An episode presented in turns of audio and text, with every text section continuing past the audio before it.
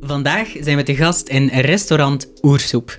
Onze chef van dienst, Brechtje Hofstede, stilde onze honger. We schreeuwden schille gillen, Spijsten in de schuur van twee shamanen smulden bloembollen alsof het uien waren. en we waagden ons aan een partijtje rugby.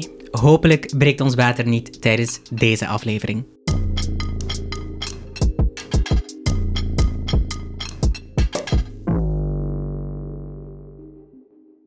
Dag Lander. Dag Maxine.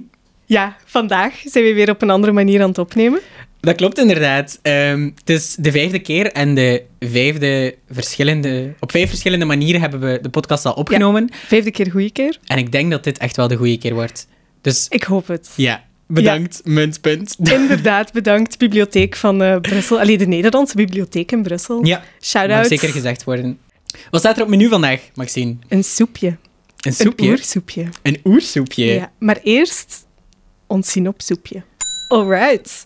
Schiet Eh, maar raak. Deze keer zal ik het hebben over Brechtje, de auteur. Eh Brechtje Hofstede is een 35-jarige eh, Nederlandse schrijver en columnist. Ze schrijft onder andere voor De Morgen. Ze studeerde kunstgeschiedenis en Frans aan de Universiteit van Utrecht. Dus wel een beetje. We hebben een beetje een band, zou ik ja, zeggen. Frans? Vind ik leuk. Ja, Cool, ja, wist ik niet. Maar ze heeft ook een tijdje in Frankrijk gewoond. Dus it kind of makes sense nu. Ja, zeker. Dat ze dat, ja. eh, ja. Eh, en ze staat vooral gekend als een eh, toch wel een activistische, progressieve figuur binnen het eh, Nederlandse literaire landschap, denk ik. Ze is lid van Extinction Rebellion. Jij kent dat waarschijnlijk wel, maar dat is dus een internationale activistische beweging die klimaatverandering probeert aan te kaarten. Eh, vaak doet ze dat in Op de vorm van... radicale manier. Ja, extreme, Ja. extreme soorten acties. Eh, hoe Brechtje dat nu precies doet, heb ik, heb ik er nog niet... Daar ben ik niet ingedoken. Nee. Maar het is wel iemand die niet bang is om eens op de barricade te staan, denk ik. Nee, inderdaad. Nee, nee, nee, zeker. Eh, ze is ook medeoprichter van feministische actiegroep De Bovengrondse. Daar is ondertussen wel een einde aan gekomen. Ik denk vorig jaar. Alright. En waarom? Of... Ja, dat weet ik niet precies. Ik, ik denk, eh, ik had het zo snel eens opgezocht en het ging erover dat de tijden heel erg veranderd waren en dat het zo... eh, ja, ik denk dat er eh, misschien wat verschillende visies in het spel waren. Maar ik weet het niet 100% zeker. Ehm, maar, en dat vond ik wel grappig, ze is ook medeoprichter van Stichting Nationaal Heksenmonument. Wat is dat Ja. voor een beest? Dat is dus een stichting eh, die pleit voor een nationaal heksenmonument in Nederland ter nagedachtenis van de mensen, maar ja, alle mensen, maar vooral vrouwen eigenlijk. Ja, ja v- mannen werden ook wel vervolgd Mm, trouwens ja, als heksen, maar ja. dat terzijde. Ja. Ehm, die omkwamen ten gevolge van dus de heksenvervolgingen. Amai. Ehm, en dat heeft volgens die groep diepe sporen nagelaten in hoe de vrouw wordt gepercipieerd in Ja. onze samenleving. Is iets waar ze heel vaak over schreef. Allee, op basis van dit boek is wel iets eh, ja, dat sterk aan bod komt in, eh, in haar werk. Ja, Perceptie voilà. van, van vrouwen. Door de geschiedenis heen. Ja, Ja, voilà. En, en tijdens die lezing heeft ze daar ook wel een aantal dingen over gezegd, denk ik. ja zeker. Misschien moeten we dat even duiden voor Ja, de lezer juist. nog. Ja. Als je de vorige aflevering gemist hebt. Ja. Ehm, we hebben het boek gekozen op basis van een lezing in het Paard Ja. van Troje. Eh, ondertussen een kleine twee maanden geleden, denk ik. ja, dat is al Ja, twee maanden geleden. Gaat snel, hè? Oh. Eh, en daar was Brechtje dus de gast en stelde ze haar nieuwe boek Oersoep eh, aan ons voor. Ja. Niet persoonlijk aan ons, Nee, aan de zaal voor. maar wij konden wel een aantal hele kleine leuke vragen stellen. Ja, dus als je ons Ehm. korte interview met Brechtje wil ehm, beluisteren, luister dan zeker naar onze vorige aflevering. Inderdaad, dat was die over Ministerie van Dromen. Maar dus, Brechtje. Haar houding zorgt al eens voor een beetje eh, polemiek. Dat is het geleerde woord om zo wat de catfights tussen auteurs aan te duiden. Ehm, en zo had ze ooit eens beef met eh, Herman Brusselmans. Echt? Ja. Oké. Vertel Eh, me Had je meer. dat nog niet gezien? Ik wist van met Ilja Leonard Pfeiffer dat er daar wel zo wat... Spanningen. Want dat Spanningen kwam in waren? die lezing aan bod ook. Hè? Ja, zeker. Ja, ja, ja. Dat hij zoiets had van een schrijver vrouw kan... kan niet... Nee, nee, nee. Zelfs Of- een, een, een ouder? Had hij dat zo? Of was het een, een moeder, specifiek? Ja, ik denk wel specifieke moeder. Ah, ja, Iemand die een kind ja. had, die dan, dat dat niet te combineren viel met het schrijverschap. Ja, of zo. Ja, dat was, dat was inderdaad de Wat natuurlijk een beetje een rare opmerking is. Eh, Ja. Zo kan je het wel zeggen. En dan enter oersoep, wat begint met een bevalling. Ja, Ja. inderdaad. Ja, Maar eh, dadelijk meer over die bevalling. zeker. Ehm, want eh, ze had ook al eens een catfight met eh, Herman Brusselmans. Ehm, dat was blijkbaar tijdens een lezing dat zij daar samen ehm, ja, een, een, kort een werk aan het voorstellen waren. En Herman Brusselmans die zou het inwoord geuit hebben. En als statement heeft Brechtje en nog een andere auteur de zaal verlaten. En eiste ze dat de organisatie eigenlijk afstand nam van de uitspraken van Herman Brusselmans. Eh, want anders wou ze haar lezing niet doen. Ja, dan is er zo eh, een beetje chaos ontstaan. Heeft er uiteindelijk een medewerker gezegd van... eh, Oké, ik doe daar afstand... Allee, of wij als organisatie doen daar afstand van. maar dan andere mensen binnen de organisatie waren het daar niet mee eens. Dat was zo'n heel Amai. geduw en getouwtrek. Ja, is een beetje controverse. En dan achteraf heeft Herman Brusselmans haar zo eh, ja, moet ik het Gedist zeggen? Ja, is een beetje Ja. gedist. En die zei... Maar ik vind het eigenlijk wel een beetje erg. Ik weet niet of ik het moet zeggen. Jawel, nu moet je Oh, het ja. zeggen, hè. Ehm, hij noemde haar, dat zijn trouwens niet mijn woorden, van Herman Brusselmans, een titloos factotum, een ontwijfde minkukel, die in Nederland een soort van speerpunt is voor de kwakkelende woke-generatie. Ja, dus dat was best heftig. Ja, inderdaad. Oké, daar valt veel over te zeggen, denk Voilà. ik. Ja. Dus ze weekt wel een aantal dingen misschien. los ja. in het literaire veld. ja, blijkbaar. Voilà. Eh, wij zullen het hebben over Oersoep. Dat is Mhm. pas verschenen in oktober 2023. Eh, en dat verscheen eigenlijk vijf jaar na haar laatste roman. Dat was eh, Drift. Waarin ze het-. Ja, ja, en ik heb het nog niet gelezen. Maar nu ben ik wel heel benieuwd. Want Drift gaat vooral over de scheiding van haar jeugdliefde. Mhm. Had ik zo... Allee, of ja, ik heb het natuurlijk niet gelezen, maar dat was zo wat de, de pitch ehm, dat ik altijd las. En ehm, ja, ze heeft eigenlijk wel een aantal werken geschreven. Haar debuutroman, dat was De Hemel boven Parijs.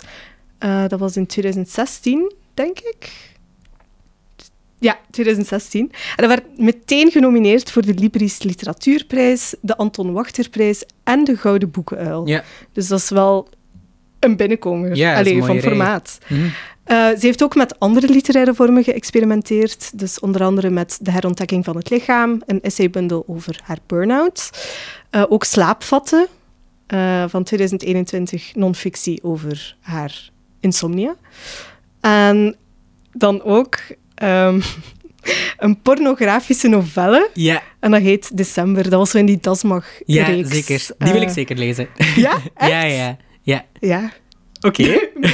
Misschien kunnen we daar eens een korte, een korte Ja. aflevering over doen of zo. Korte bonus. Ja, wie weet. Eh, ik heb nog een paar leuke fedivers en dan is het aan jou. Ehm, maar het zijn een beetje stomme fedivers hoor. Oké, shoot. Maar eh Brechtje schrijft alles eerst met de hand. En ze doet het altijd met dezelfde pen. Maar wat, dat ze, soms, wat dat ze soms wisselt, is de inkt. Dus de kleur van de inkt wisselt ze soms af. Dus soms een keer rode inkt, soms keer zwarte inkt. ja.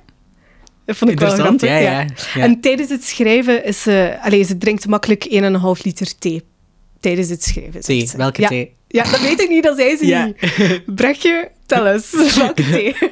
Donkerbruine thee? Bittere thee? Oké, ja, dat was het zo. Dat was een korte introductie tot Brechtje Hofstede. Ja, oké, merci. Ehm, ik ga het oersoepje nog een beetje aandikken dan. Eh, en ik zal het vandaag wat hebben over eh, de roman die we bespreken. Ehm, en dat is dus Oersoep. Ehm, ik heb geprobeerd om het in één korte zin wat samen te vatten, of tenminste dan de rode draad. Ehm, dus wat gebeurt er in Oersoep? In Oersoep volgt de lezer een eh, ik-verteller. En die ik-verteller die gaat eigenlijk op verschillende manieren op zoek naar zingeving. In de heel erg ruime zin van het woord zingeving. Ja, Eh, oké. Om het misschien wat juister te zeggen, eh, de ik-verteller die zoekt telkens momenten op waarop het leven als het ware buiten zijn oevers treedt. Ja, dat Ja. vind ik mooi. Dat zijn ervaringen, dus ja, je zou kunnen opvatten. Ja, Ja. zeker, ja. Ervaringen die zo het onmiddellijke hier en nu eh, wat overstijgen. Mhm. Ehm, en de er- verteller ervaart zulke transcendente momenten, eh, onder andere tijdens de bevalling. Eh, en dat is meteen de openingsscène van het boek. En dat is echt een heuse stream of consciousness. tijdens zowel anale als vaginale seks. Eh, tijdens rugbytrainingen. Mhm. En ook onder invloed van drugs. En meer bepaald van ayahuasca. Ja. Zo zou je het moeten uitspreken als ik het goed heb. Ik had zo één podcast geluisterd en ik was zo van, oh, ik ga echt opletten naar hoe ze het uitspreken. Maar die zeiden dat zo elke keer super snel. Oké. En ik weet... ayahuasca. Ayahuasca. Ayahuasca, ja. Voilà. Eh, maar voor de leken onder ons, ik kende het ook niet. Nee. Ehm, dus ik ga Crash een korte... course. Ja, crash course ayahuasca. Ehm, dus wat is ayahuasca? Dat is een Zuid-Amerikaanse hallucinogene drank op basis van Mhm. planten. Dus in feite een soort thee. Eh, Brechtje, welke thee drink je zo al tijdens het schrijven? en ehm, ja, die bittere thee heeft als bijnaam eh, La Purga. Als ik dat juist uitspreek, dat is misschien nog moeilijker dan eh, ayahuasca. En dat is Spaans voor zuivering. En die Mm. bijnaam heeft het eigenlijk te danken aan het feit dat de gebruikers ervan tijdens hun roes vaak moeten overgeven. Ze kunnen ook last hebben van hevige diarree. Ehm, ja, en zo meer. Het is niet echt prettige belevingen, eh, als je het me zo vraagt. Je kan ook misselijk worden, duizelig worden.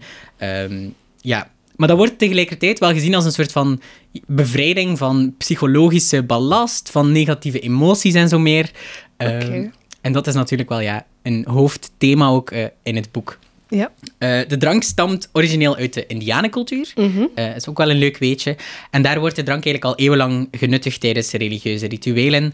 Eh, en wordt het echt gezien als een medicijn, maar ook, en dat is misschien ook wel interessant, als een middel om in contact te komen met het goddelijke en met Mhm. goddelijke entiteiten. Want dat is ook wel iets wat een belangrijke rol speelt in het boek.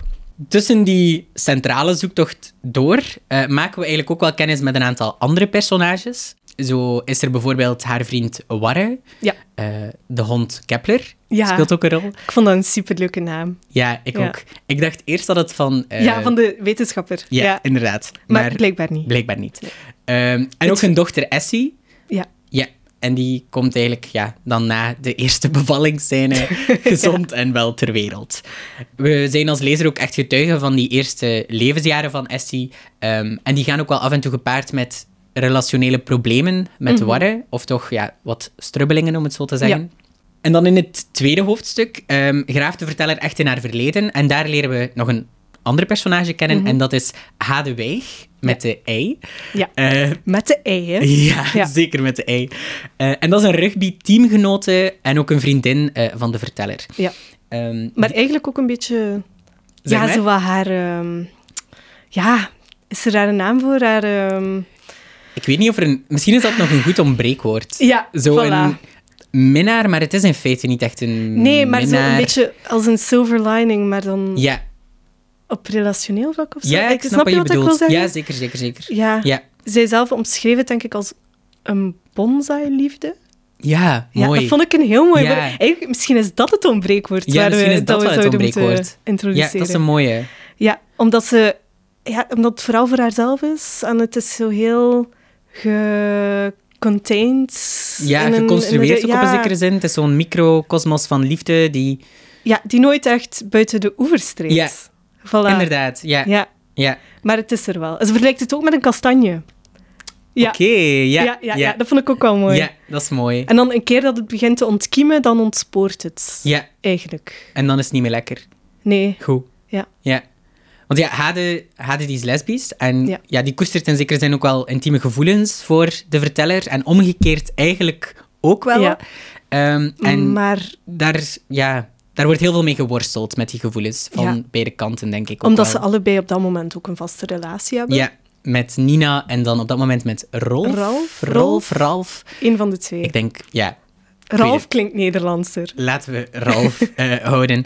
Ehm, en ja, wat ik wel interessant vond aan Hade is ook dat zij zo wat alles is wat de verteller niet is. Ja, Ehm, en ik denk dat daar die gevoelens misschien ook wel eh, een beetje mee te maken hebben. opposites attract. Ja, zeker. Ehm, en het tweede hoofdstuk is ook te lezen als een soort, ja, een soort brief eh, Ja. die aan Hade is gericht ehm, na haar onverwachte, ja, onverwacht eigenlijk wel, Ja. onverwachte dood. Ja. Ehm, en die dood ja, laat echt wel een, een litteken ook na bij, eh, bij de verteller. Ja, dat was En- een hersenvliesontsteking, denk ik. Ah, oké, ja, dat kan. Ja. Ik wist dat er, er was wel. ook ergens een nierdialyse waar zo even over bericht wordt. Maar, ah, ja, ja, ja. juist, ja. Ehm, maar wat heel interessant is, is dat tijdens het deeltje over Hade ook wordt eh, verwezen naar Hadewig met Ja. de I. Eh, en dat is Die natuurlijk... kennen wij, hè? Ja, die kennen we zeker van de opleiding. Eh, en dat is natuurlijk de 13e-eeuwse Brabantse dichteres en eh, mystica, die onder meer visioenen schreef, liederen en brieven en zo meer. En ze deed dat ook als een van de eerste in het Middel-Nederlands. Over de minne. Over de minne, inderdaad. De minne is al. Ja. Amai. oh, dat had ik al lang niet meer gehoord. En tegenwoordig worden haar teksten wel echt als heel erg zinnelijk beschouwd. Ehm, in dat opzicht dat ja, Hadewig er echt een soort fysieke, bijna sensuele, seksuele eenwording met God nastreeft. Mhm. Ehm, en zij noemde dat zelf orenvoet. Oké. Ehm, en dat is een soort machteloos verlangen om te smelten en te versmelten, samen te vloeien en op te gaan in iets gigantisch. Oké. Het is ook dat verlangen eh, dat natuurlijk de ik-verteller drijft. En, En dan- misschien ons allemaal wel. Misschien ons allemaal, ja.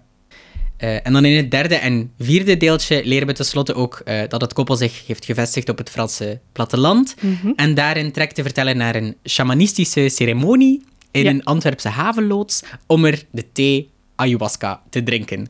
Maar die roes die lijkt daar met een nog leger gevoel dan tevoren achter te laten. Of die indruk had ik misschien wel een Hmm. beetje. ik zou het Ehm, omgekeerde willen, willen beweren, Oké, denk ik. ja, Ja, dat is spannend denk- voor... ik denk juist met een voller gevoel, omdat ze meer weet wat ze mist. Ja, In dat opzicht inderdaad leger. ja, Ja, snap je het is ik inderdaad wat paradoxaal, ja. Ja, Begrijp het zeker. Dat is, ze, ze, staat verder, dus ze weet wat, ze, wat er mist. ja, Zo. maar tegelijkertijd, doordat ze zo in contact komt met datgene wat ze mist, en beseft of zo dat dat niet echt Ja, is te bereiken leger. valt, is het weer leger. Ja, ja. Ja, Het mes snijdt aan twee kanten. Hè. ja. Voilà. Ja, zeker. Alright. Eh, en ook dit deel bevat een brief eh, die ditmaal Ja. aan de geliefde Warre is gericht. En daarin beschrijft ze nogmaals die orenvoet uitbundig. En schrijft ze ook openhartig over het... Ik heb het zo omschreven als het bijna maar net niet moment van overspel tijdens haar eh, ayahuasca-trip met een zekere Alec. Ja. Ehm, en dan hoe het boek eindigt, had ik ook opgeschreven, maar ik zal het misschien aan de verbeelding overlaten.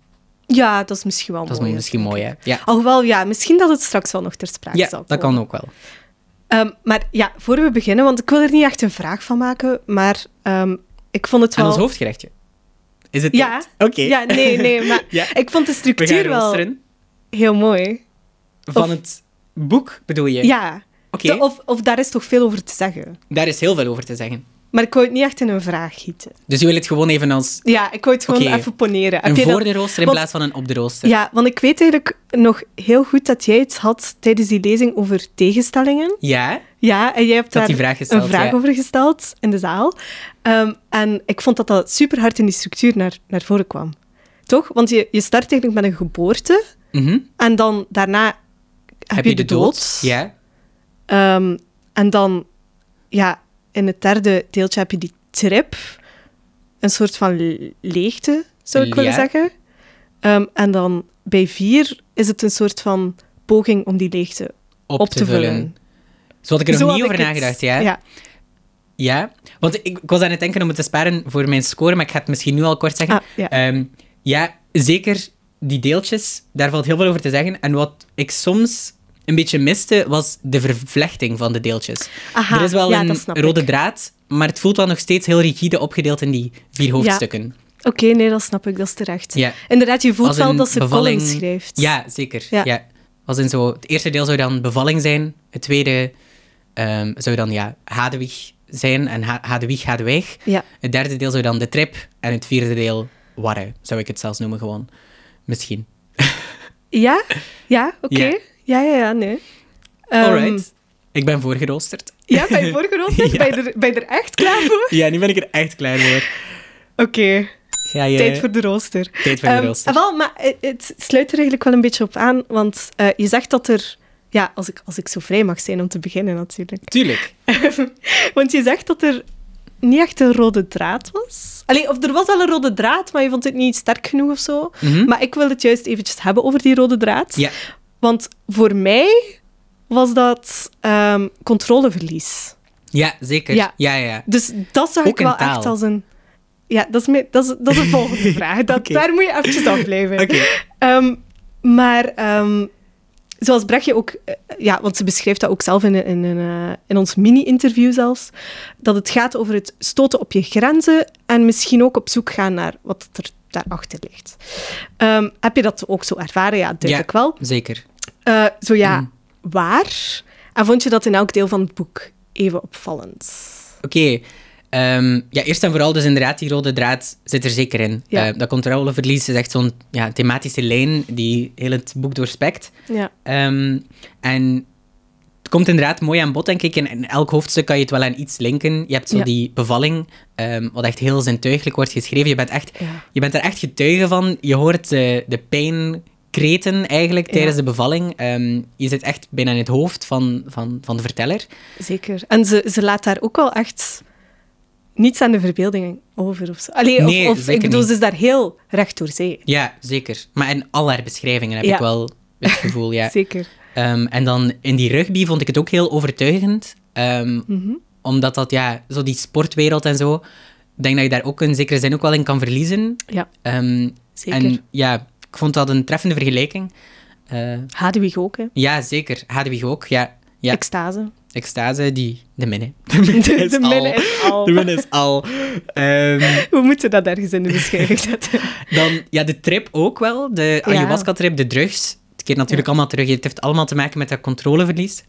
Maar dan stoot het voor mij misschien zo wat op, op die grens met dan toch zo de relatie. Maar je hebt ook wel die spanning dan, met zo het volledig bevrijd zijn van. En dan heb je toch Mhm. zo de relatie en je voelt dat daar ook wel zo wat spanning is met het in zekere zin misschien loskomen van die relatie Mhm. op een bepaalde manier, maar het ook wel willen vasthouden aan die relatie. Mhm. Ehm, dus daar merkte ik dat controleverlies ook wel op. Ja. Maar misschien bij het laatste deel voelde het voor mij dan, als ik denk bijvoorbeeld aan die brief van Warre, Mhm. wat te belerend of te beredeneerd aan, terwijl het ergens anders heel erg zintuigelijk, heel zinnelijk is. Ja, oké. Begreep je wat ik bedoel? Nee, nee, nee. Ja, ik begrijp het wat maar- je bedoelt. Natuurlijk heb je daar wel... Ja, die drugs, Daar- je bent echt de controle kwijt. Maar in een relatie denk je er misschien nog ook heel sterk over. Ehm, ja, Ja, Oké, nee, nee, nee, ik snap ik het het. moet omschrijven, ja. en daar zit je ook wel vast aan die rigide briefvorm of zo. Ja, zeker. Zo, Ja, ja, ja, ja, ja. Ehm, maar ik denk, ik denk dat ik daar controleverlies meer zag als iets ehm, dat ze heel hard besefte dat ze controle verliest door met hem in een relatie te zijn.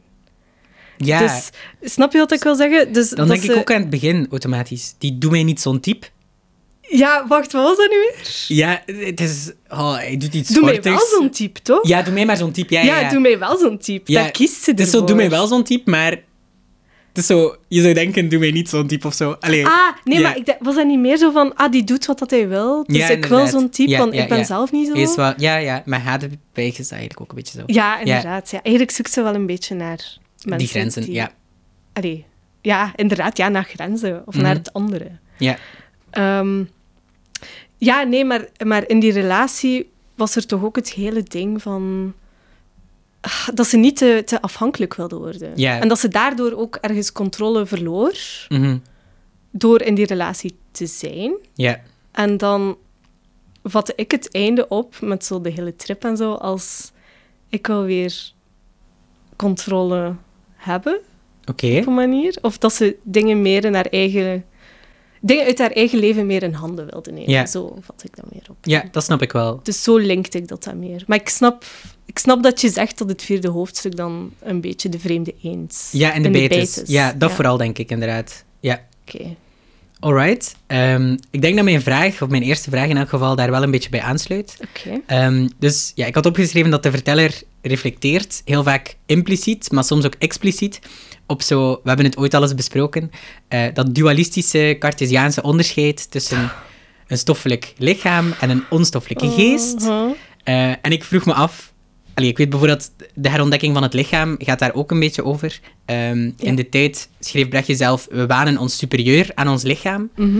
Ehm, en ik vroeg me af of jij dat herkent, dat onderscheid lichaam en geest, en, en de kritiek misschien ook op, op dat onderscheid daarin, Ehm, en hoe je dat terugvindt in het boek. In het boek, ja. Ja, dat is wel echt iets dat heel vaak naar voren kwam in haar interviews. En zo. Allee, ik had zo'n interview eh, geluisterd in podcastvorm en dat kwam er ook super hard uh, telk en in elk interview eigenlijk. Eigenlijk is dat een beetje de centrale stelling van Mhm. het boek, denk ik. Ehm, en een van de dingen dat ze daar dan, allee, dat Brechtje, voor alle duidelijkheid, daar dan ook bij betrekt, is dat dat, dat, dat onderscheid eigenlijk altijd maar problematischer wordt, net omdat we trekken naar eh, een digitale wereld. Ja, En dat vond ik wel een Die hele metaverse. interessante... Ja, inderdaad. Dat vond ik wel een hele interessante discussie, omdat we steeds minder in touch zijn met ons lichaam of zo. Of dat we dat Ja. wel ergens heel hard eh, op de achtergrond schuiven en wat meer ja, ons, ons, onze geest voorop stellen Mhm. op de een of andere manier. Dus ik- ja, ik vind dat een heel interessante discussie. Ik heb daar niet per se een, een antwoord op. Maar ja, ik denk dat dat gewoon een beetje het centrale ding van het boek was. En ja, dat ze dat is ook een dat tegenstelling probeert die te ze... rijmen met elkaar. Ja, zeker. Ja. Dat is ook een tegenstelling, denk ik, dan, die ze Ja, echt wel verkent. Ja. Geest, maar dan... Ja, en, en dan heb je natuurlijk die ene prachtige inleidende ehm, quote toch van William Blake. ja, Toch? lees hem eens voor. Het motto van het boek. Man has no body distinct from his soul. For that called body is a portion of the soul. Dus lichaam en geest kunnen nooit gescheiden zijn, want Ja. ja, uw lichaam is deel van Ja. uw geest. Maar dat is ook zo... Je hebt daar zo- zo'n boek over dat zo de laatste tijd heel hard geboomd was. Zo, eh, The Body Keeps the Score. Ik heb het nog niet gelezen, maar dat is ook zo heel het idee van trauma ehm, sluipt in uw lichaam en zo. Ook al beseffen we dat niet altijd, omdat we, omdat we daar niet over De nadenken. embodied experience en zo, denk ja, ik ook. Ja, voilà, ja. Dus dat is wel iets... eh, Oké, ja. goed. Merci, Ja. dank je. Ja, ik, ik hoop dat dat... Ik weet niet of dat, dat echt een antwoord was. Misschien Ja. was het gewoon een, Nee, nee, nee, het een was- bespiegeling. Het was een bespiegeling. Goed. Voilà. Ehm, goed. Een vraagje voor jou. Het NRC eh, schrijft over oersoep.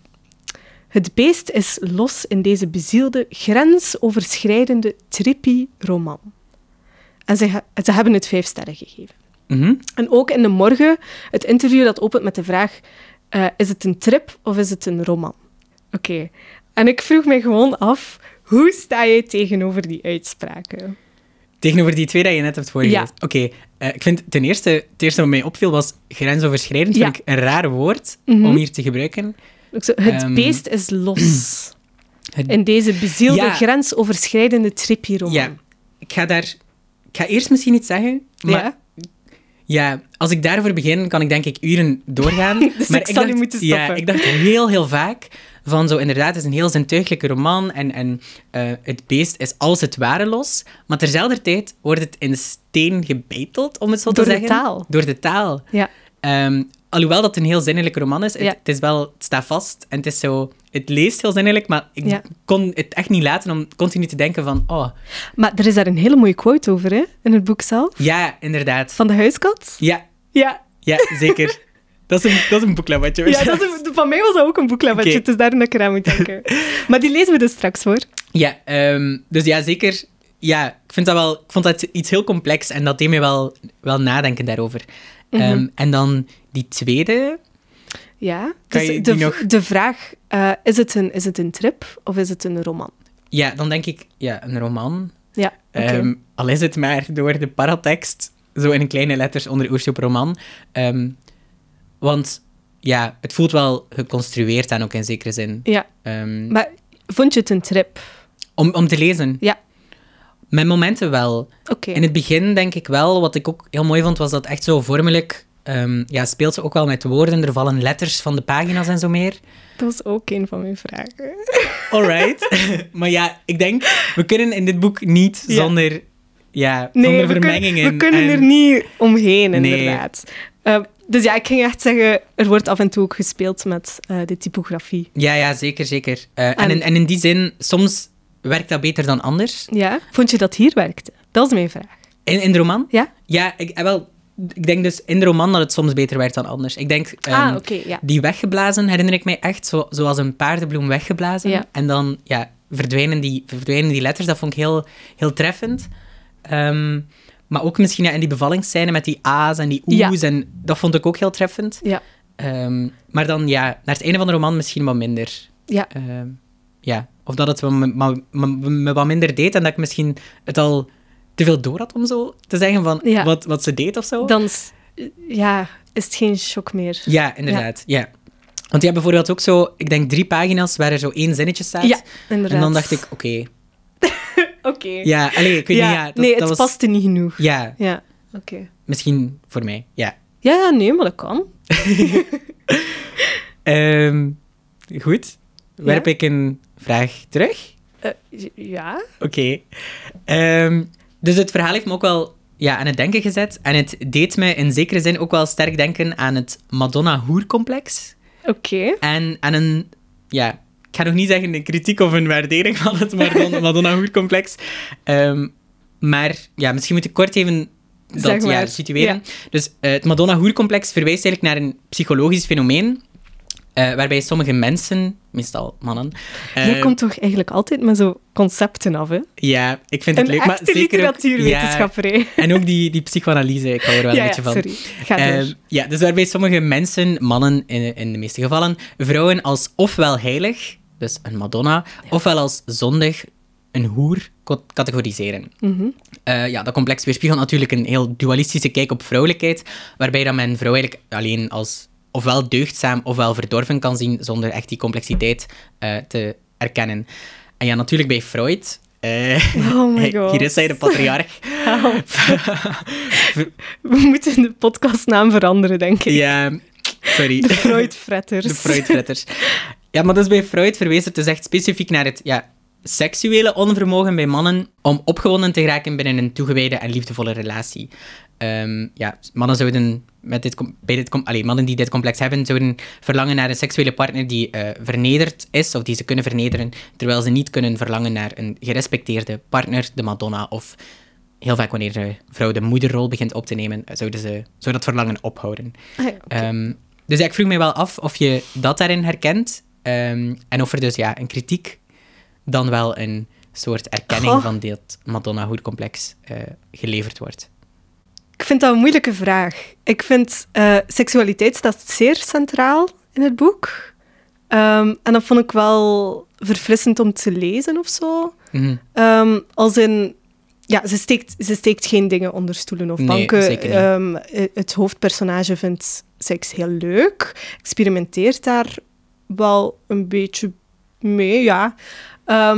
En pff, ja, ze, ze vindt het vooral leuk als het heel harde seks is. Ja, Mhm. ja, dat, Ja, ja, dat, is, zeker. dat is wel zo'n Ja. beetje, ja. En ze, ja, ze verlangt gewoon door het boek heen heel ge- hevig naar eh, zowel haar partner als naar die eh, andere mensen. Allee. Alec bijvoorbeeld. Mhm. Ja, of dat dat dan echt een kritiek is. Ik vond het juist sterk dat het... ehm, moet ik het zeggen? Ja, misschien voor andere mensen is het wel chockerend, maar ik vatte het niet zo op. Bij mij kwam het niet zo als iets chockerends binnen, maar ik vond het heel natuurlijk. Heel organisch of zo. Ja, Heel... ehm, ja, oké, dit, is, dit is hoe dat hoofdpersonage erover denkt en dit is hoe ze erin staat. En ja, dat is het. Zonder per se veel oordeel of zo daaraan op te hangen. nee, nee, nee. Ik denk inderdaad expliciet dat ze niet veel oordeelt. Of dat Nee, er niet veel geoordeeld wordt in het boek. Of, en ik denk dat dat ook zo op de lezer overkwam. Of misschien is het gewoon omdat ik het op een bepaalde manier Mhm. gelezen heb, natuurlijk. Maar ik denk dat er... Ja, dat, dat het niet echt uitnodigde om er een negatief oorde- oordeel aan op te hangen. Nee, nee, nee. Zeker niet negatief. Ehm, Of, of een en positief seks- zelfs. Allee, ik weet niet, het was gewoon... Nee. het ja. is zo. Ja, maar wat ik wel bijvoorbeeld dan heel, heel erg verfrissend vond, Ja. ehm, was zo... Ja, het boek begint natuurlijk met die bevalling, daar Ja. zijn we weer. Ehm, dus dan heb je echt zo dat moederschap dat centraal staat. En dan wordt Mhm. eigenlijk meteen ook ja, gecombineerd met dan die hevige seks. En zelfs wanneer ze echt aan het... Ja, ze is haar kind aan de borst aan het ja, ja, voeden en dan, heeft ze seks. Ja, ja, ja, ja, ja. Dat, dat was voor mij echt zo Madonna Hoer by... Allee, daar is de deur. Ja, ja, ja, ja. oké. Zo. Ja.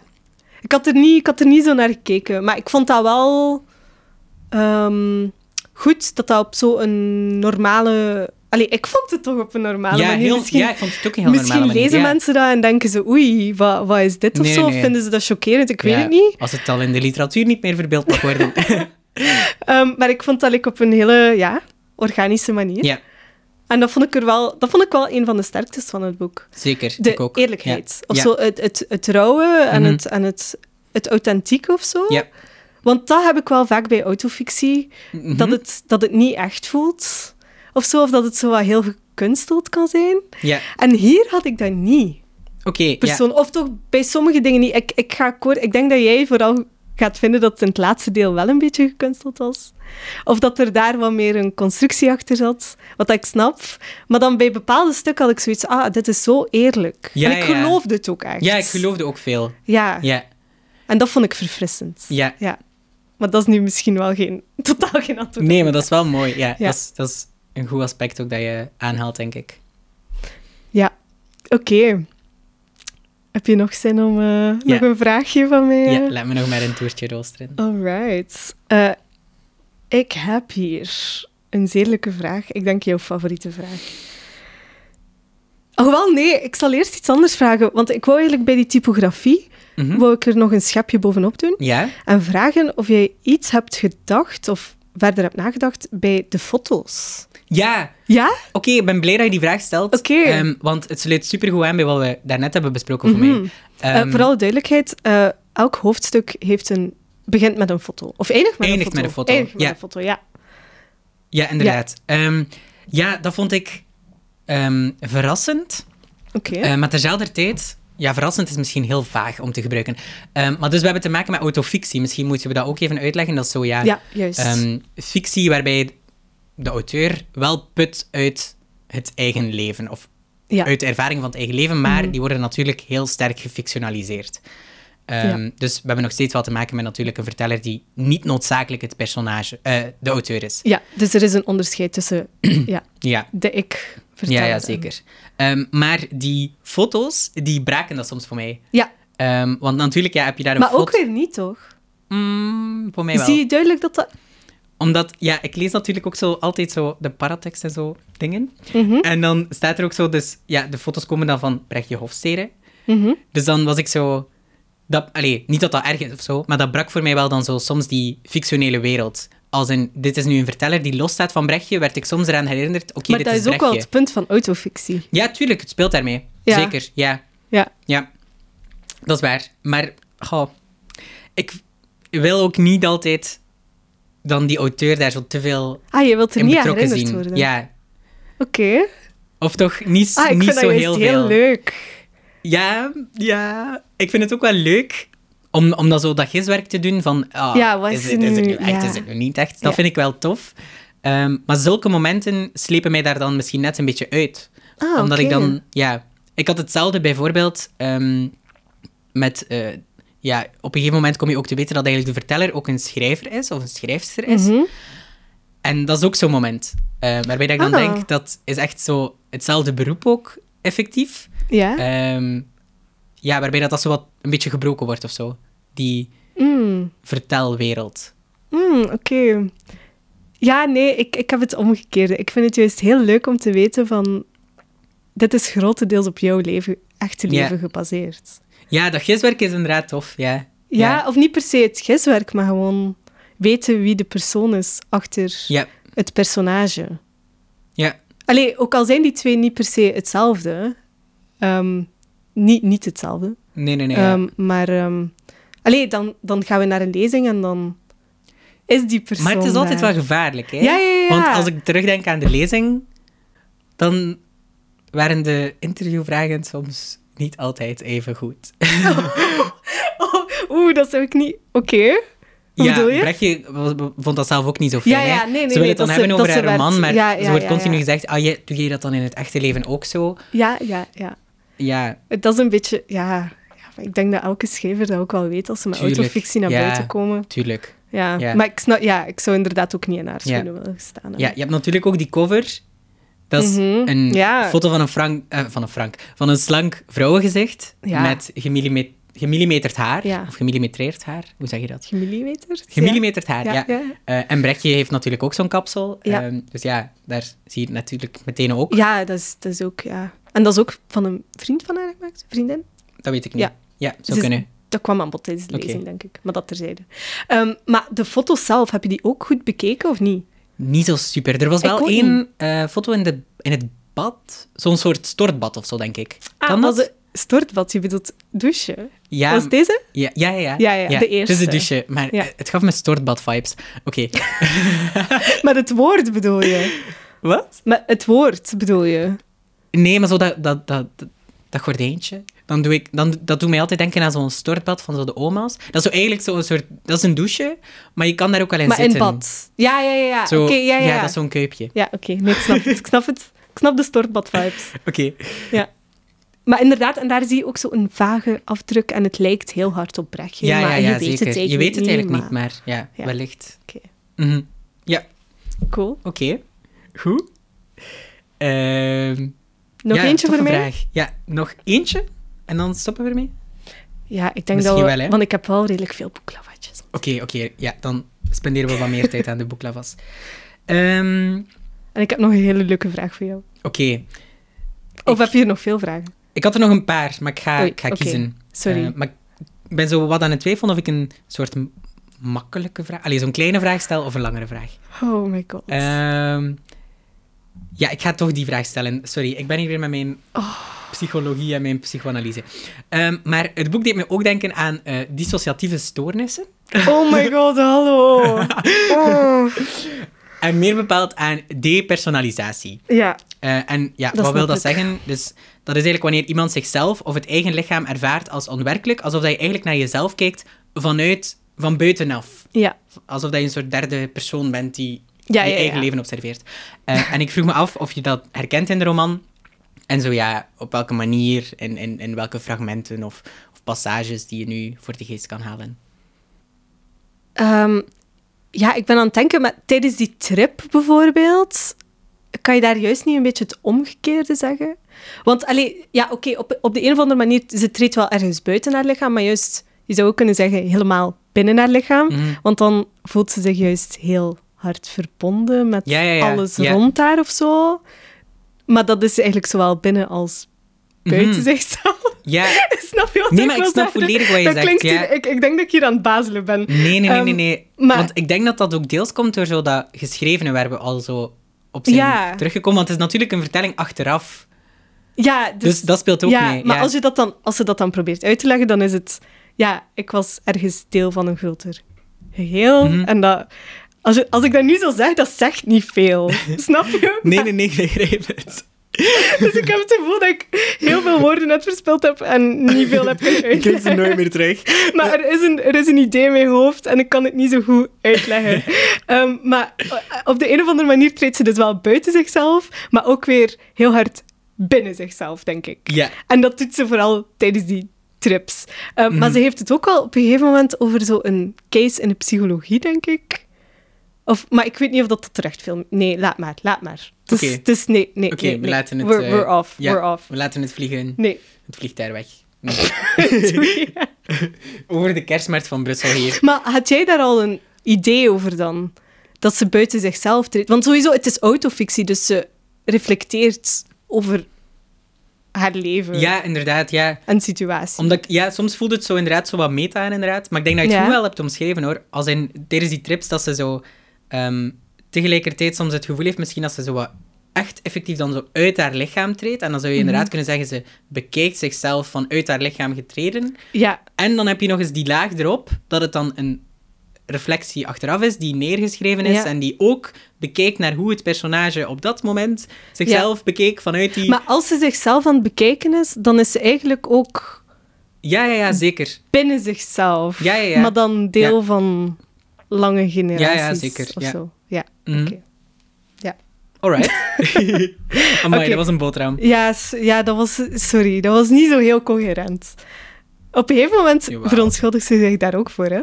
Dat ze niet Zo- coherent is. Ja, als ze zo die brief naar haar eh warren schrijft. Mm, ja. Ja. Dus eh, ik zeg nu hetzelfde. Sorry, ik ben aan het nadenken terwijl ik dingen aan het zeggen ben. Ja, tuurlijk. Dat is natuurlijk ja, het nadeel en het voordeel van het feit dat we de vragen niet op voorhand weten. Hè. Oh my god, ik ben altijd heel bang als ik hier aan begin. Eh, goed, maar ik heb nog een hele leuke vraag Ja, voor jou. Want, stel ze. Want het overkoepelende kleur van het boek, eh, dat doopte... Ah! Ah, ik hou zo hard van dit gezicht van Lander.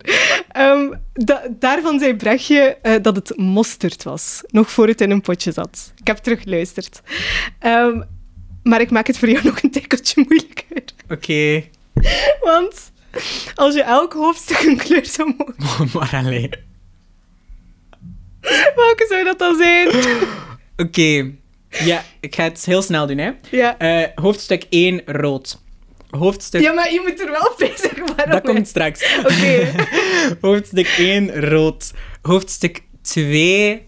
eh, wat gebeurt daarin? Eh, hoofdstuk 2, geel. Hadewig, ja. Ja, hoofdstuk 3, laat ons even zeggen eh, bruin. En hoofdstuk Bruin? 4, laat ons zeggen zwart.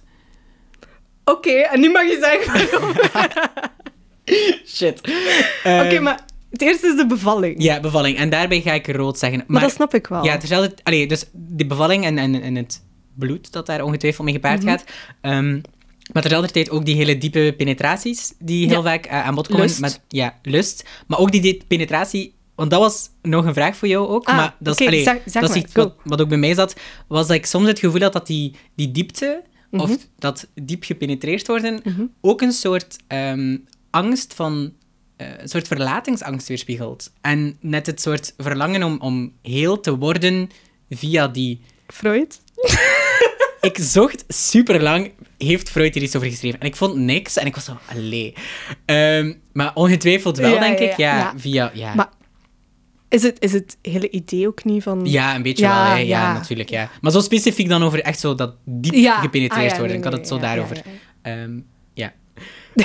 Sorry, luisteraar. Ehm, maar dus, rood. Geel, dan, ja, natuurlijk eh, zitten we daar bij Hadeweg. Ja. En ik vind dat hij een heel geel aura heeft of zo.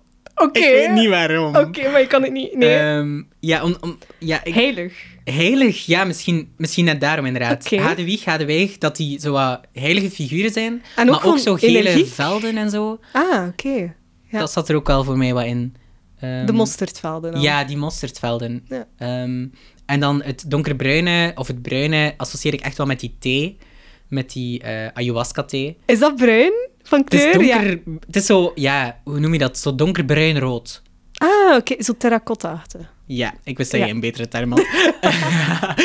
Ehm, ja, dus dat. En dan het laatste zwart. hoofdstuk was zwart. Omdat je het zelf niet leuk vond. Zeg. Ehm, maar omdat dat is... Ja, misschien speelt het mee dat ik dat het minste hoofdstuk vond. Eh, Mhm. maar het speelt denk ik ook al ergens mee. Je hebt zo de vogelscène, helemaal op het einde. Mhm. eh, waarin ze zich heel bewust wordt van vogels. Het is ook nacht, als ik me niet vergis, waaruit ze zo uit het raam even. Eh, de zon gaat onder. Ja, oké. Ik dacht dat het wat meer... In mijn hoofd was het wat meer nacht. Ah ja. Ehm, nee. Maar omdat ik daar toch ook wel associaties had met dood, in zekere zin, bij die Als ze scène. op het dak staat. Als ze op het dak staat, ja. Ja, want ze kan vallen Ja, natuurlijk. natuurlijk. Ja. Ehm, en dan daarom zwart. Ja. Oké, en met die nagels waar ze zo aan blijft hangen. Ja, ja, ja. ja, Ja, ja, nee. ja. Oké, Dus vandaar het. zwart. Wat vond je het beste hoofdstuk? Want ik weet nu wat dat jouw minst favoriete hoofdstuk was. Nummer twee. Nummer twee. Hadewig en Hadewig. Ehm, ja, dat was wel mijn favoriet. Of nummer één. Ah, ja. Het is een close call. Ja. Ehm, ja, want ik zat er echt in het begin echt helemaal in. Ehm, en dan bij Hadewig en dan zo zeker die associatie met die orenvoet en zo, de minne is al. Ja, zat ik er ook wel echt weer in. Maar dan de trip, ik weet het niet. Ja, Minder idee. minder. Ja, Ja. nogthans. Nochtans wat? ja, bon. Dan is het nu tijd voor een dessert, denk ik. Ja. En nu mag jij beginnen met je, met je boeklavas. Ah, nu mag ik beginnen. Ja, ik ben hier al lang aan het ratelen over die kleuren. Ja, ik heb het gevoel dat ik al, dat ik al heel veel gerateld heb, hoor. Ehm, Oké. Eerst wou ik al een eervolle vermelding doen. Ehm, Mhm. Want in het interview van de morgen eh, zei ze iets en ik vond dat wel mooi. En ik denk dat dat ook wel is wat het boek is. Oprechtheid is nu eenmaal het engste wat er is. Mhm. Dat vond ik heel mooi. En daarom, ik had het daar juist al over, het boek, dit boek is zo oprecht en zo authentiek voor mij, vond ik. Ehm, of had echt die vibes.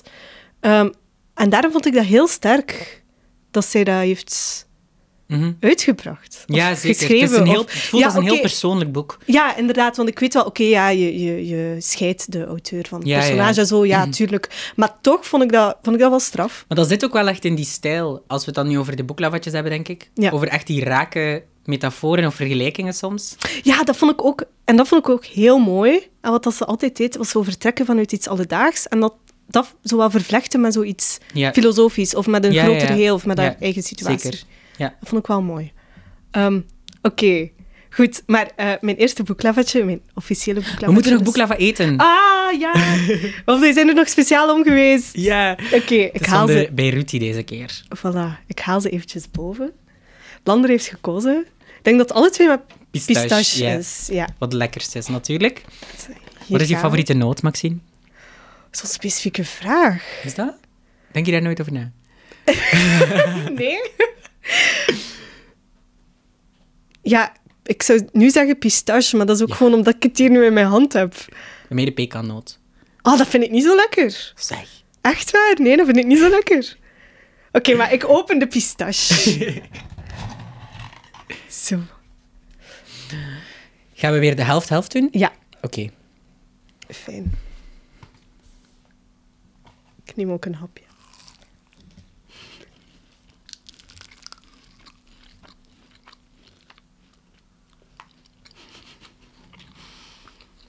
Hmm. Hmm.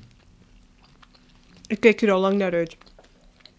Ik vind het grappig, Oei. omdat een van mijn eerste boeklavatjes die erop staat is kom eens met je pik zo fucking zoet. En dan eten we dit. Misschien moet jij beginnen met de boeklavatjes. Nee, nee, begin maar, begin maar. Oké. Mijn eerste boeklavatje ehm, gaat over... Allee, want ehm, in de eerste pagina's komt het wel vaker aan bod, zo passages over aanraking en huid en zo. Dat is zo vervlochten in het begin. Ehm, en daar heeft het echt over het belang van aanraking. Misschien ook wel het verbindende ervan. Ehm, en hoe ze dat miste tijdens een eh, reis dat ze aan het doen was in Japan, wil ik zeggen. Klopt dat? Mhm. Ja. Dan had je op pagina 18... Mm, Dus nadat ze dat allemaal uiten van hoe- hard dat ze het miste, ging het over ehm, de eerste keer dat ze met Warre dan... allee, dat ze die aanraakte, eigenlijk. Want dan, ja, over dat in Japan zegt ze op pagina 17, nee, niet loslaten, ik moet handen voelen, huid. En dan later ehm, heeft ze het over hoe ze Warre aan het strelen is. En dan zegt ze... Steeds verder gingen mijn vingers en zo lichtjes dat het leek alsof ik boven zijn huid zweefde en niet de korrel ervan voelde, maar alleen de warmte zelf. Wil je dit alsjeblieft voor altijd doen? Dank je wel, zei de eerste keer. En ik lachte eerst en daarna huilde ik. Omdat er misschien geen einde zit aan, de, aan een huid die altijd weer op zichzelf uitkomt, maar wel aan de aanraking ervan. Vond Mooi. ik mooi. Ja, Ja. zeker mooi. Ja. Goed begin. En dan ging het weer over de eerste keer dat iemand me aanraakte in Japan. Ja, En ik vond doet dat wel zo vaak. mooi- ja. ja. Ja, dat bedoelde ik daarnet ook. Zo, zo vertrekken vanuit een bepaalde situatie, Mhm. maar dat dan verweven met een andere. Ja. Ja. Ja. ja, dat is wel vaak inderdaad. Ja, Ja, en dat is mooi. Ja. Alright. Ehm, goed, ik ga misschien de eerste vermelding, denk ik toch, van het woord oersoep Oké. als eerste Ja, boeklavetje ik weet- doen. Ja, ik was daar ook over aan het denken om die te nemen, maar ik ben blij dat je het doet. Ehm, stel je voor dat een engel je komt vertellen: Mevrouw, u bent zwanger van het al. Well, aren't we all? Elke zwangere vrouw heeft de wereld in haar buik. Het resultaat van jaren aan evolutie. Miljarden voorouders, eencellige, meercellige zeedieren die het land zijn opgegleden. Som van alle toeval en alle dwang. Uitkooksel van oersoep. Dat zoekende mondje met de blaar op je bovenlip, woedend drink je en bijt mijn tepels blauw. Ja, ik had die ook aangeduid. Ja, vond ik heel mooi. Ik vond die ook heel mooi. Ja. Ja. Ook die, alles komt ook wel zoals samen. Allee, er komen meerdere dingen wel samen. Die oersoep en dan het kindje weer, ja. Ja, dat was echt heel mooi. Oké. Ehm, ik heb hier de passage gevonden die we daarnet gingen zeggen. eh, over de taal. Oké. Dus eh, ze heeft het hier over eh, die plek zonder tijd die de woonkamer wegduwde. Dus wanneer ze aan het bevallen was, ehm, ontdekte ze die plek hè, zonder tijd. Ehm, en in die plek zonder tijd heeft ze het dus over taal. Op pagina 38. Taal is niet gemaakt voor die plek. Taal is een huiskat die met zijn bewegingen de muren, de meubels, de hoekjes traceert en niet weet dat er ook een buiten bestaat. Ja. Mooi. Ja, Ik ga proberen zo'n mooi beeld. ik ga proberen om daar nog wat verder op door te gaan misschien. Oké. Ehm, ik had, wacht hoor, ehm, pagina 91 denk ik. En dat is met die ontaal, omdat ze ook al, ze verbeeldt de taal, maar ze verbeeldt ook al de ontaal. Ehm, dus het gaat hier over, ja, ze loopt aan de bosrand en ze ziet daar eigenlijk varens die opschieten. Mhm. Eh, en dan zegt de verteller, dan heffen ze duizenden identiek gekrulde knoppen, waaruit zich met perfecte regelmaat perfect eenvormig blad ontvouwt. Ik kan daarnaar staan kijken tot ik nauwelijks nog adem. Als ik lang genoeg kijk, zal ik het zien. Wat? Weet ik niet. Maar in het bonken en beven van mijn ledematen voel ik al iets van de ontaal daarachter. Mooi. En... Nee, ik ga zwijgen. Dat deed mij ook denken naar Lacan. Oh my god. Help. ik zit hier met een psycho... analyse. Ja, analyticus. Ja, dank u. Oh, Ja, oké. oké. Ik had een zin op pagina 132 en ik snapte het eerst niet. Mhm. Ehm, maar nu wel, denk ik. En ik wil weten wat jij ervan denkt. Ja. Ooit gaan we uit elkaar, ik en ik. Dat heb ik eindelijk begrepen. Ja, ik vond dat heel mooi. En Ja. we- snap je het? Snap je de context? Of, ja, ik denk het wel. want het, het ging zo over dat ze ehm, ja, gewoon op een andere manier naar tegenover Warren staat. Mhm. En dat vond ik wel... Ja, dat dat ook gewoon veel over haarzelf zegt. Ja, bon. Ja, nee, nee, ja, zeker. niet zo diep, ja. maar... Maar nee, die, ja, die ik en ik inderdaad, ja, ze evolueert wel. Ja, want zin. gewoon, ze heeft het Voortdurend, ja. voortdurend over haar relatie tegenover iemand anders. Mhm. En dan opeens is het zo... Ik. Ja, ja. maar het gaat eigenlijk vooral over de relatie tussen ik en ik. Ja, ja, zeker, zeker, ja. Aan de En hand hoe dat van dat andere mensen. Ja, ja, verandert. ja. Ja. Ja. Oké. Ehm, ik heb nog eentje. Mhm. Ik weet niet goed waarom het me een beetje verdrietig maakt. Zo'n flesje melk, waarvan de room zich op de top verzamelt in een lichter gekleurd laagje van pakweg een halve centimeter. Maar melk, naar melk die is ontdooid en vlokkerig geworden, kan ik niet kijken zonder kippenvel. En dat deed mij natuurlijk denken aan Christeva. Eh, Maar je moet al die literatuurwetenschappers beginnen kaderen in u. Ja, maar van Kristeva is het... Allee, dat, dat is echt wel een echt intertextuele referentie, denk ik, naar Ah? Ja, oké. Want Kristeva schrijft dus over het objecten. Ja. En als voorbeeld geeft zij zo melk met zo'n skin op. Ah, dat wist ik niet. ehm, om dat concept eigenlijk uit te leggen.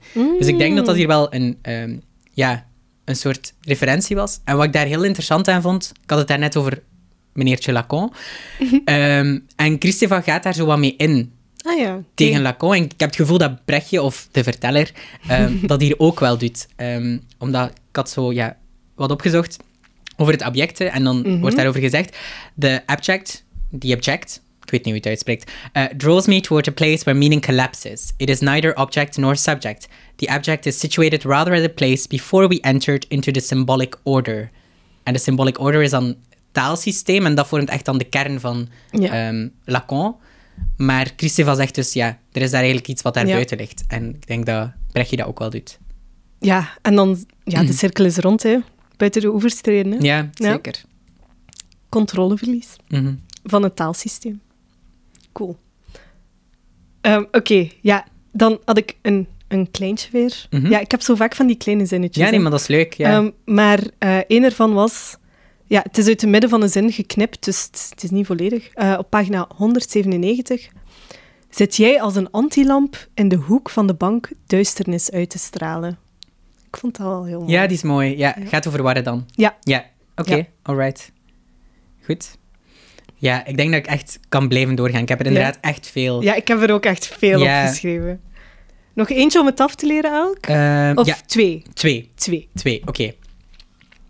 Eh, ja, oké, ik heb deze. Eh, pagina 116 is het. Oké. Ehm, er zitten plooien in de tijd, als zakken in een jurk. Opvallend ruim, heerlijk om in weg te glijden. Bijvoorbeeld in een boek of in seks. En pas als je eruit komt, gaat de tijd weer door. Wist ik veel dat je door een gaatje in de voering kunt glippen en uit het hele weefsel vallen. Hoe ik ooit weer terug ben gekomen in dit lichaam, geen idee. Het was allemaal al voorbij. De wereld ging onder in water en vuur. Pff, gebeurd. Zo vlug dat ik er maar een ademteug lang verdriet om had. Ik vond het heel mooi ook dat die pff daarin zat. De Ja, dat is echt zo'n persoonlijke stem die zo nog, ja... Of zo'n persoonlijke frustratie die zo wat, ja, ja. erin komt. Ja, weer dat authen- authentieke, Mhm. toch? Ja. Ja. Ehm, Oké, ik wil juist nog een keer een ander motief aanstippelen hier. Ehm, en dat is het motief van zo wat de hardheid, van Mhm. uzelf afsluiten of zo. Ja. Ik vond dat wel een... eh, dat, dat keerde wel vaak terug in haar eh, relaties. En op pagina 171 schrijft, schrijft ze... Als hij zegt, je kruipt weg, je bent afwezig, dan hoor ik een bekend refrein en vul ik moeiteloos aan. Je bent antisociaal. Wat ben jij voor een mens? Jij kunt niet met mensen. Jij bent moeilijk. Zo moeilijk. Onleesbaar, vreemd, hard. We voelen heus het graniet daarbinnen. Nee, van jou valt maar met de grootste moeite te houden. Liefde kent voorwaarden en jij schendt ze. Alright. Vond ik mooi. Ja, zeker. Oké. Nog eentje? Dus, ja, hè, mijn laatste. Maar echt de laatste, Ja, want we ja, zijn nee, de serieus laatste. over tijd aan het Oké, oei. Ehm, dan ga ik nog een ander motief dat ook wel terugkeert. Ja? Vind ik ook wel dat we moeten benoemen. En dat is de bijen. Of dat Ja. zijn de bijen. Dat was een van de dingen die ik jou misschien nog ging Ja, vragen. oké, Maar alright. ja, dan, komt hij er nu, eh, dan komt hij er nu in. Ehm, ik ga deze doen misschien. Wist je dat bijen magnetische velden kunnen voelen? Ze navigeren op de minimale elektrische lading van de aarde. Ze hebben ijzer in hun buikjes, een ingebouwd kompas. En mogelijk voelen ze ook via dons op hun poten de veranderende lading van bijvoorbeeld een bloem, die geaard is en dus anders geladen dan zijzelf.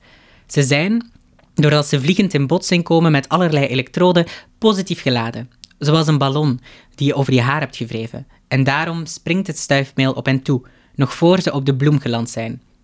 En het wordt nog mooier. Wist je dat bijen aan de hand van die veranderende elektrische lading kunnen voelen welke bloem recent nog is bezocht? Ze weten het verschil tussen de zojuist leeggedronken bloem en een kelk waar al lang niemand meer op landde. En die dus waarschijnlijk vol zit met nectar.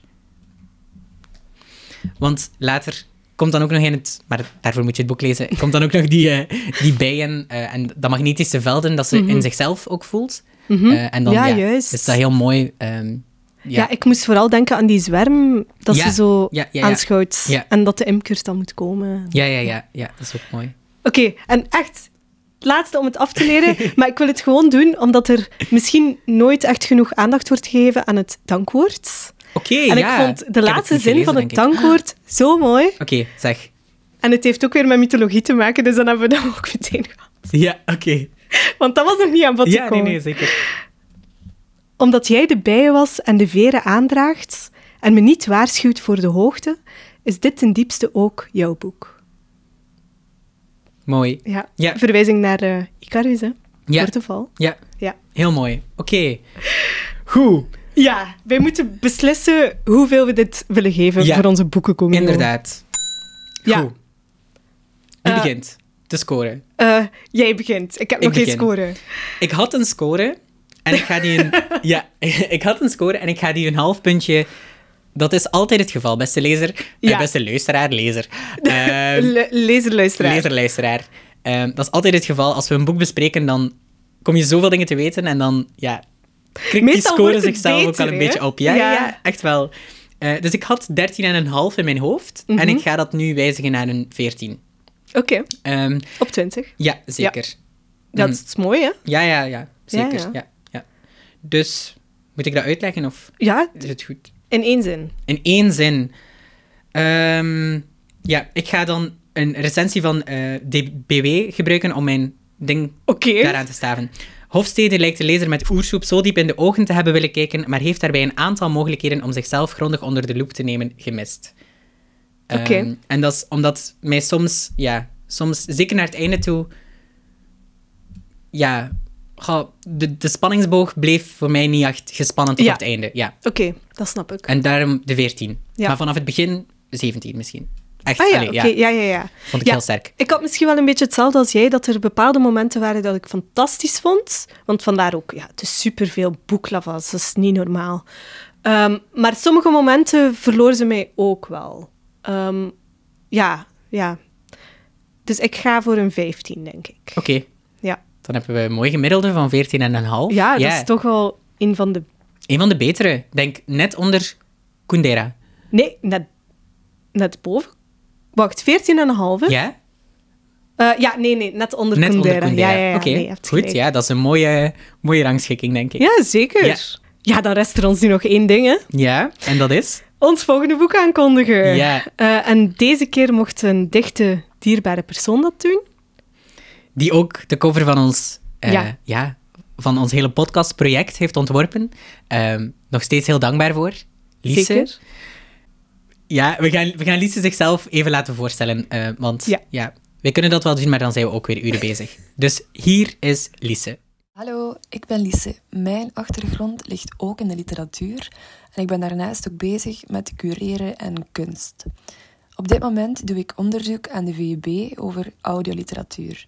Het gaat dus over hoe bijvoorbeeld verhalende podcasts of radiospelen een soort van theater in je brein kunnen veroorzaken, waarbij het lichaam eigenlijk onlosmakelijk verbonden is met het brein.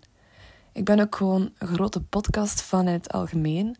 Dus ben heel blij dat ik een boek mocht kiezen voor de letterfretters. En zij koos een boek dat haar heel nauw aan het hart ligt. Het boek dat ik gekozen heb is Lenny van Max Porter. Lenny is een mysterieus en excentriek kind dat opeens verdwenen is en het hele dorp gaat op zoek naar hem.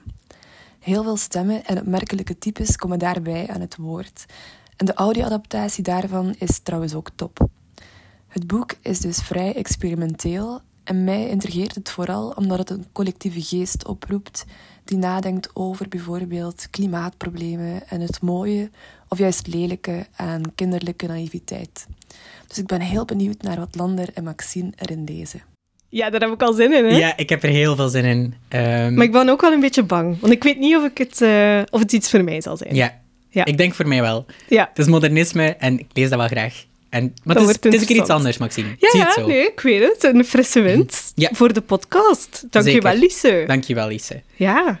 Goed, maar dan nemen wij voor vandaag afscheid van jullie. ja. Eh, en ja, tot de volgende keer Ik dan. hoop dat jullie honger gesteld is. Yes. Bye bye. Doei. Doei.